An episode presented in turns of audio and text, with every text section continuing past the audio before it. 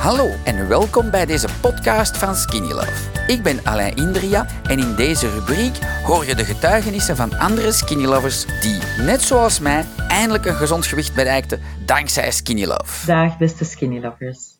Ik ben Hilde en ik Skinny Love nu al sinds eind april. Ik ben intussen 16 kilo kwijt en ik zit vol energie. Maar die energie kon ik eigenlijk niet zo goed kwijt. Ik heb namelijk last van hielspoor en dat is een zeer pijnlijke aandoening. Mijn arts sprak over cortisone spuiten in de hiel, maar daarvoor was ik nu helemaal niet te vinden. Wel ben ik AX1 gaan gebruiken, en maar goed ook. Met vier schepjes per dag gedurende drie weken is de pijn eigenlijk bijna helemaal weg. En ik kan dus weer naar hartelust gaan wandelen, want dat doe ik heel graag met mijn hondjes. Die zijn natuurlijk ook blij.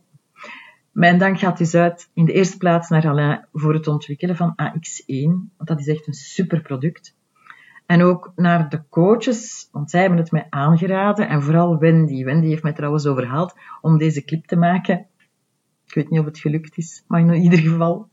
Ik hoop dat jullie er iets aan hebben. Ik wens jullie nog een goede namiddag.